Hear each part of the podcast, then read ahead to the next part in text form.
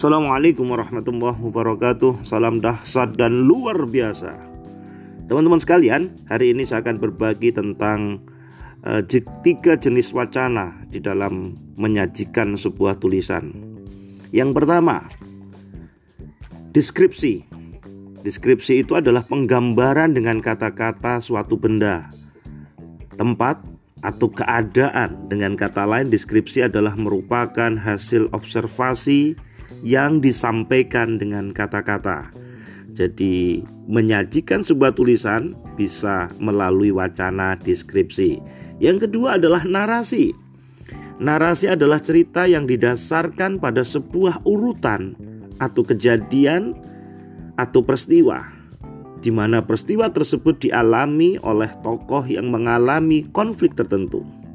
Jadi, Anda juga bisa menyajikan sebuah tulisan dengan narasi Kemudian yang ketiga adalah eksposisi. Penyingkapan sesuatu yang sebelumnya masih samar-samar, masih tertutupi, masih tersembunyi menjadi jelas adanya. Maka itulah yang disebut dengan eksposisi. Jadi, ada tiga jenis wacana di dalam kita menyajikan sebuah tulisan. Yang pertama adalah deskripsi, yang kedua adalah narasi, dan yang ketiga adalah eksposisi.